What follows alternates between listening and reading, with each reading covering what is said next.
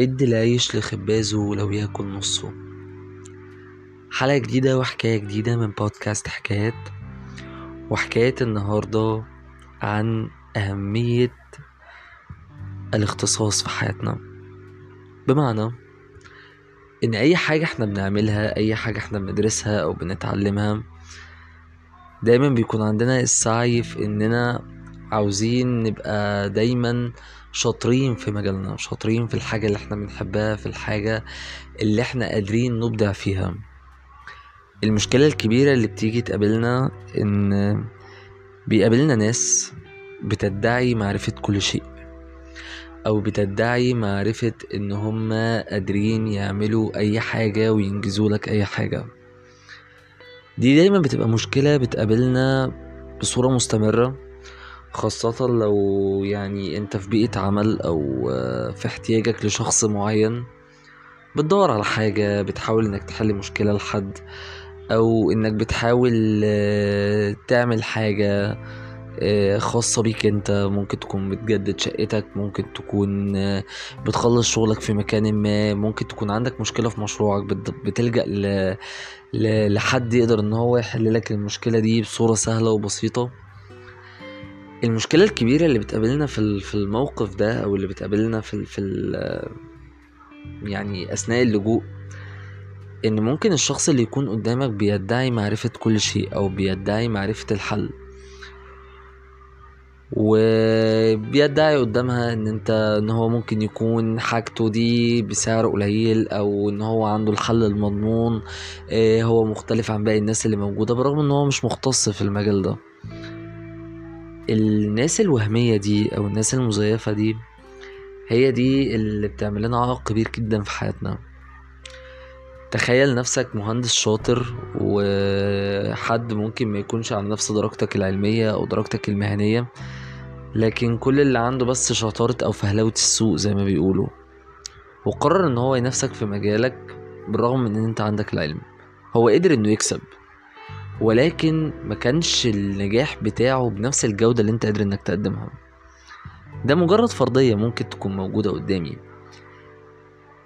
لكن لو إحنا جينا حسبناها بقى في في ال- في المنطق العام أو أو أو زي ما بيقولوا كده في في الحياة العامة أي إنسان بيدعي المعرفة أي إنسان بيدعي انه هو قادر على حل مشكلة وهو ما عندوش الأسس العلمية في انه يقدر إن هو يحل المشكلة بمنتهى الدقة وبمنتهى الجودة وبمنتهى المصداقية. صدقني بتكون مشكلة كبيرة جدا جدا جدا جدا جدا بتواجهنا.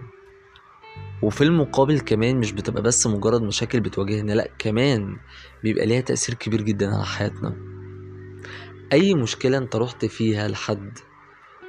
والشخص ده ما قدرش إن هو آه، يحللك الموضوع بالشكل اللي أنت كنت متوقعه حاول إنك تهرب من المكان ده.